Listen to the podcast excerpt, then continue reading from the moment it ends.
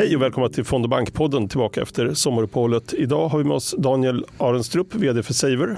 Välkommen. Tack så jättemycket. Ni brukar väl kallas en fondutmanare eller utmanare på fondmarknaden. Ni har varit igång nu i fyra år, sedan 2019. Mm. Det är ju en kort tid men det har hänt, det har varit en ganska turbulenta år. Hur har utvecklingen varit för er? Framförallt eh, första tiden var ju, var ju definitivt turbulent. Ni som var med och minns där då så var vi ju den första Eh, aktören ut eh, med eh, en kickback-fri modell eller en återläggande av kickbacks. Så slutet av 2019 lanserade vi plattform med 1500 fonder och vi då återlade 100% av kickbacken till investerarna. Och när vi gjorde det så var väl inte marknaden riktigt med på det. Vi lyckades bygga plattformen under mycket sekretess mm. uh, och lyckades ta en del uh, off guard där. Så att, uh, det blev väldigt turbulent i början. Det var många som inte gillade den disruption som vi gjorde på marknaden, försökte stänga ner oss. Men vi hade också många som tyckte att det var bra. Mycket av dina kollegor och mycket av eh, journalister och media som backade oss väldigt mycket och det gjorde att vi eh, liksom kom ut av det där och eh, sen har vi växt sen dess. Förstod folk, själva USPen hos er är ju just att ni lägger tillbaka fondkickbacken. Mm. Gick det att kommunicera på ett vettigt sätt till vanliga sparare? Mm. Vi landade i någonting som vi fortfarande har som eh, man får kalla det tagline, men vi säger samma fonder, halva avgiften. Fördelen med det är att då behöver du inte riktigt förstå vad en kickback är. Du behöver bara förstå att du betalar hälften så mycket av någonting. De flesta förstår att du betalar någonting för dina fonder, men mm. exakt hur kickback-systemet förstår, ja, det kanske är, är, är lite smalare. Och där har ni hjälp av, alla aktörer pratar ju om fondavgifter. Med Finansinspektionen går ut och säger till folk att titta på fondavgifter och Pensionsmyndigheten gör det. Och mm. Där måste ni ha lite draghjälp. Ja, timingmässigt så var det väldigt mycket debatt i frågan då och såklart eh, Mifid 2 och vad som hände i resten av Europa med förbud mot kickbacks. Det var ju mycket i diskussion då och är såklart fortfarande. Just. Ja, men, men timingmässigt så, så hamnar vi rätt. Hur många kunder har ni idag? Idag har vi 100 000 kunder. Ja. Såklart en uh, bit upp till Avanza och Nordnet fortfarande, men det är också en bit till aktörerna under oss nu för tiden är ju ni inte de enda med den formen av affärsmodell, att ni delar kickbacken, utan det har ju kommit ett antal de senaste åren. Hur ser du på den här växande floran? Är det någonting som händer i fondmarknaden idag eller är det bara en nischprodukt det här? Vi var helt förberedda på att det skulle komma kopior på det vi gjorde, så det gäller att få så mycket försprång som möjligt och det lyckades vi med och blev synonyma med, med den affärsmodellen. Men nu då under tiden som det har kommit kopior så har ju vi under väldigt lång tid hållit på med nästa steg. Mm. Uh, och, och, nästa steg för oss är att uh, komma ut med aktiehandel. Det är ju ett jättesteg. Det, hur tänker ni genomföra det här? Ja, det, det är någonting vi har uh, återigen då bakom kulisserna jobbat på ett par år och lagt många hundra miljoner i, i utveckling på detta. Mm. Nej, men vi ser ju att Avanza och Nordnet har gjort det otroligt bra på svenska marknaden och de har ju haft skulle jag kalla lite av ett duopol under väldigt lång tid nu. Ehm, det har kommit lite olika försök eller eh, liksom mindre aktörer som har släppt aktiehandel i olika former men ingen riktig, riktig konkurrent till dem. Inte någon som gör det riktigt bra och gör det ordentligt hela vägen och Eh, det är det som, som den långa vägen som vi tar nu eh, och gör det på riktigt. Hur kommer det se ut när ni har det här systemet på plats? Vi kommer gå till marknaden med eh, likvärdig funktionalitet som, som de båda. Vi kommer till och med ha fler marknader, fler aktier, större utbud. Vi bygger allting på ny modern teknikinfrastruktur mm. och kommer att göra det till lägre kostnader för investerarna. Så både Avanza och Nordnet är två väldigt, väldigt väldigt lönsamma bolag ehm, och eh, det finns, eh, finns mycket att göra med att ta mindre betalt och till en bättre teknik. Eh, det här låter ju super, men hur, det låter också rätt så svårt. Det, ni ska vara billigare, bättre, mm. snabbare Mm. Mm.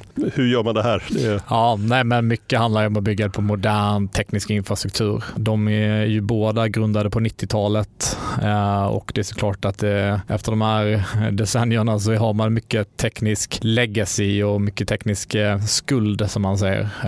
Och vi bygger allting idag med modern teknik och moderna språk och, och infrastruktur. Så det är väl steg ett. Men sen också möjligheten att bygga med en tajtare kostnadsbas också en effektiv organisation. Det är klart att sånt där sväller efterhand som man växer i bankvärlden. Ja, så är det ju. Men eh, precis där sa ju Avanza och Nordnet när de startades mm. för nu 25 år sedan. Exakt. Vad, har ni framtidssäkrat på något sätt? Har ni, hur tänker ni att ni inte ska stå i den här situationen om 20 år och bli omsprungna? Ja, nej, den, eh, det är en jättebra fråga och det är precis som du säger. Det är ju, alltså här är det inom liksom, tänkte säga, alla branscher och cykler som sker. Ja, så är det. Precis som du säger, det är lite det som var den kommunikation vi gick till marknaden om att, om att uh, vara disruptiva mot Avanza Nordnet för att de tog för mycket betalt.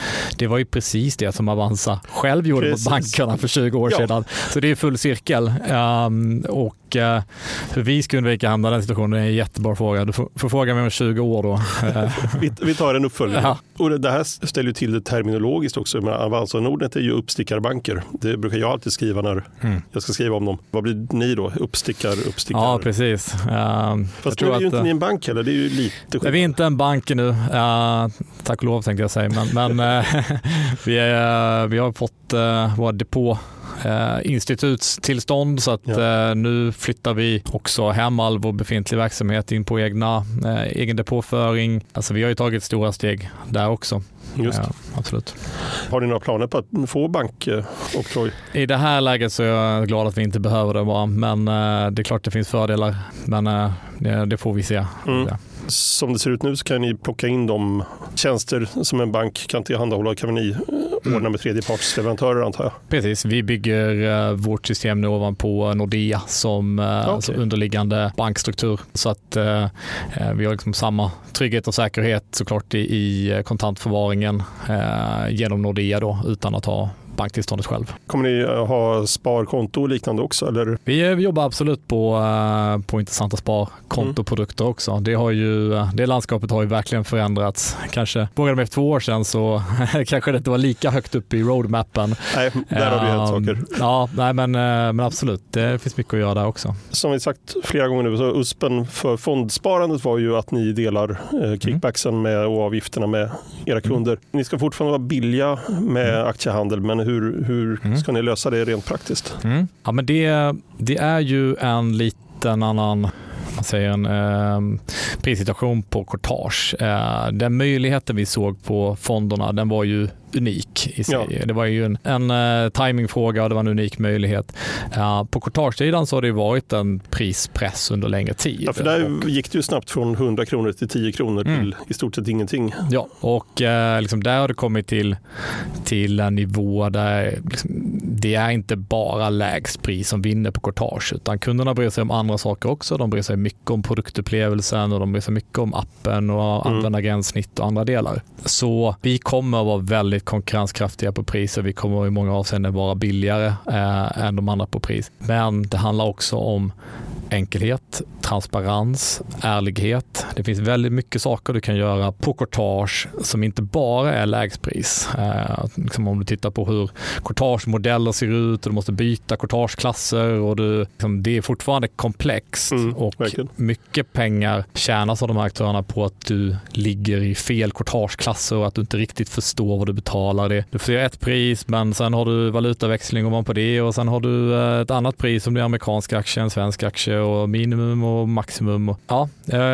jag ska inte säga hela playbooken, men det finns mer att göra än att bara vara billigast när det kommer ja, till det. aktier. Många bolag i den här branschen vill ju gå med vinst. Jag tänker att förr eller senare kommer ni också vilja det. Eller eh, hur ser ni hur ser den vägen ut? Det, jag antar att ni kommer räkna med ett antal år med förlust nu. Men... Absolut. Vi är ju såklart eh, ett techbolag som är riskkapital finansierat. Eh, vi har väldigt, väldigt bra ägare som har backat oss nu i ja, sju år sedan vi tog första spartaget. Ja. Eh, men eh, nu finns det kring liksom, den nya plattform som vi bygger och där vi också äger större del av värdekedjan själv. Vi flyttar hem, vi har ett eget depåinstitut, vi gör, liksom, klipper bort mycket av de mellanhänder så blev vi ganska snabbt betydligt mer lönsamma. Mm. Så det är ju en del av liksom, det tunga jobb vi har gjort nu på att bygga om allting allting och, och flytta hem allting. Så nu, ehm, eh, liksom, vi har 100 000 kunder och med de här nya produkterna så kommer det gå, gå fort mot att bli lönsamma också.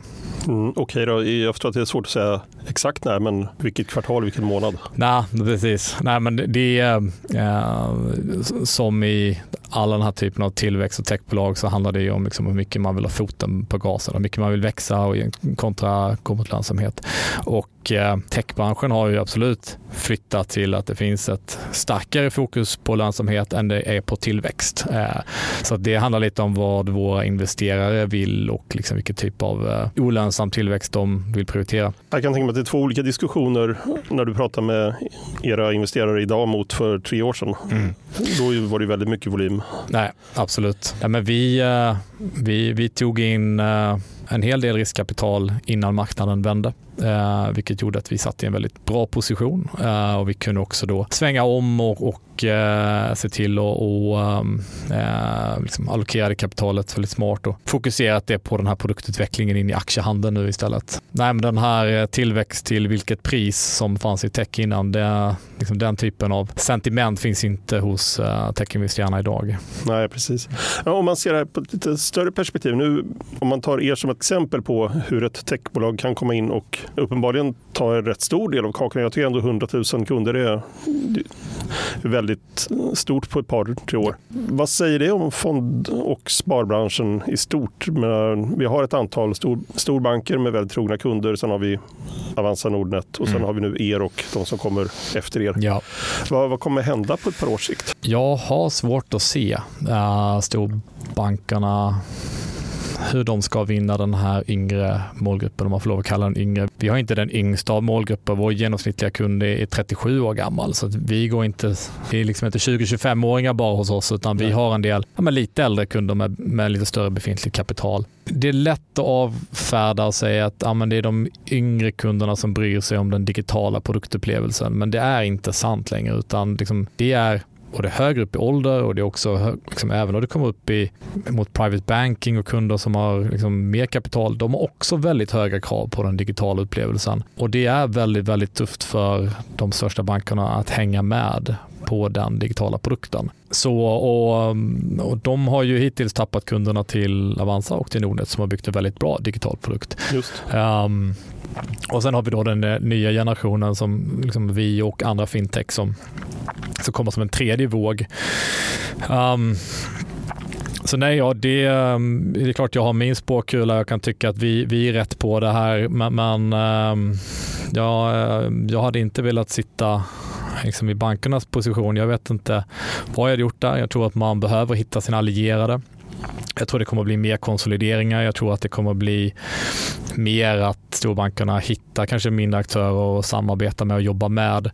Så man kanske ser sig själv som man har liksom bankprodukten som en kärnprodukt, men att man kanske har andra produkter under andra varumärken och liksom andra tekniska plattformar för att nå den här målgruppen. Just. Det är väldigt svårt att bygga in liksom, i din mobilbank eller din internetbank att bygga in en lika bra investeringsupplevelse som, som du kan göra när du bryter loss det. Det är väldigt, väldigt svårt. Du ska göra så mycket i din internetbank. Um, så det är väl, ja, om jag ska ge någon form av spårdom så är det mm. det. Jag har tänkt eh, fondsparare i synnerhet som ganska svårflyttade eller svårrörliga, mm. men det kanske de inte är längre. Det... Nej, mindre än vad det var förr skulle jag säga. Mm. Uh, vi lever ju väldigt mycket på att just flytta befintligt kapital. Vi har såklart lite ny, nyöppnade konton och folk som börjar spara första gången, men i och med att vi har det värdebjudandet som vi har, att du kan behålla samma fonder men sänka avgiften på dem. Så vi lever väldigt mycket på att man flyttar in. Du har redan en portfölj någon annan, så flyttar du in den och sen så får du betala mindre. Um, så vi har ändå sett en rörlighet och jag tror den kommer med digitaliseringen. Den kommer med lite regleringar som gör det enklare att flytta. Uh, du har ju pensionssidan också som börjar bli lättare och lättare. Um, fortfarande mycket kvar att göra där, men, men uh, man ser det ändå. Um, Ja, men det finns absolut mer av en rörlighet än varit tidigare. Mm. Um, det tror jag. Eh, och sen så har vi ju aktiehandeln som vi var inne på lite. Det är, ja. är det till nyår ungefär ni räknar med att vara igång med den? Eller? Ja, det är den gyllene frågan. När är det klart? ja, men det börjar verkligen närma sig, men jag skulle säga aktiehandeln kommer att bli på andra sidan årsskiftet. Ja, det sen, ja. Mm. Och hur mycket kommer ni erbjuda då? Vad... Ja, som det ser ut nu så eh, är det runt 14 000 instrument. Eh, jag tror det är på runt en 14 marknader. Mm. Ehm, så ja, men mycket jobb för att eh, Eh, få det rätt från början och inte komma ut, komma ut med någonting eh, om vi bara har svenska aktier eller vi bara har, eh, vi saknar mycket av den här kärnfunktionaliteten. Då kommer det bli väldigt svårt att flytta en kund från Avanza. Som, Just det. Ja, så vi försöker göra det ordentligt från början. Och när vi pratar om den digitala upplevelsen, har ni sneglat på, om vi tar i USA finns ju Robinhood till exempel. Är det någonting åt det hållet ni hittar på? Det som, de har ju närmast jobbat med gamification för sina kunder. Är det... Nej, jag skulle faktiskt säga att det är ganska långt ifrån både Robinhood och eh, tyska Trade Republic. Då, ja, just det, precis. Utan vi lägger ett helt annat fokus på investerare, mm. om man får lov att kalla det det, istället för trading. Så vi bygger upplevelsen för de som tycker det är kul att spendera tid med att hitta aktier, bygga sin portfölj, sen kanske framförallt följa bolagen när du, liksom, när du väl är en investerare mm. i ett publikt bolag. Upplevelsen att faktiskt känna dig som en aktieägare, följa det här bolaget. De som tycker det är kul, de bygger vi upplevelsen för. Så mycket mer långsiktigt perspektiv, mycket mer värdeinvesterande. Så det blir inte fokus på trading och Tra ja, nej, inte gamification heller. Nej. Och såklart Robinhood och Trade Republic, ja, de träffade ju väldigt rätt med det under covid-boomen mm. och växte otroligt. Men de har ju också fallit som en, från en sten från mm. det beteendet. Det, det byggde ju mycket på kortsiktigt beteende. Ja, men de, de fick ju också sina intäkter från eh, omsättningen mer än eh, Precis, eh, genom att sälja orderflödena Precis. som eh, också en väldigt tveksam affärsmodell om man får säga så. Och fungerar ju inte i Sverige på det sättet heller. Nej. Och det är väl någonting, Avanza har ju väldigt bred målgrupp. De har, de, de har, välja, de har nybörjare och de har investerare och de har eh, liksom traders som kanske sitter på terminaler kopplade till dem. Men vi fokuserar, om man får kalla det midsegmentet då, alltså de som värdeinvesterare som också tycker det är kul att spendera tid med det och inte bara vill set and forget utan faktiskt har ett intresse. Eh, för de bygger vi. Spännande, det ska bli kul att se hur det går. Tack Daniel Arenstrup. Stort tack.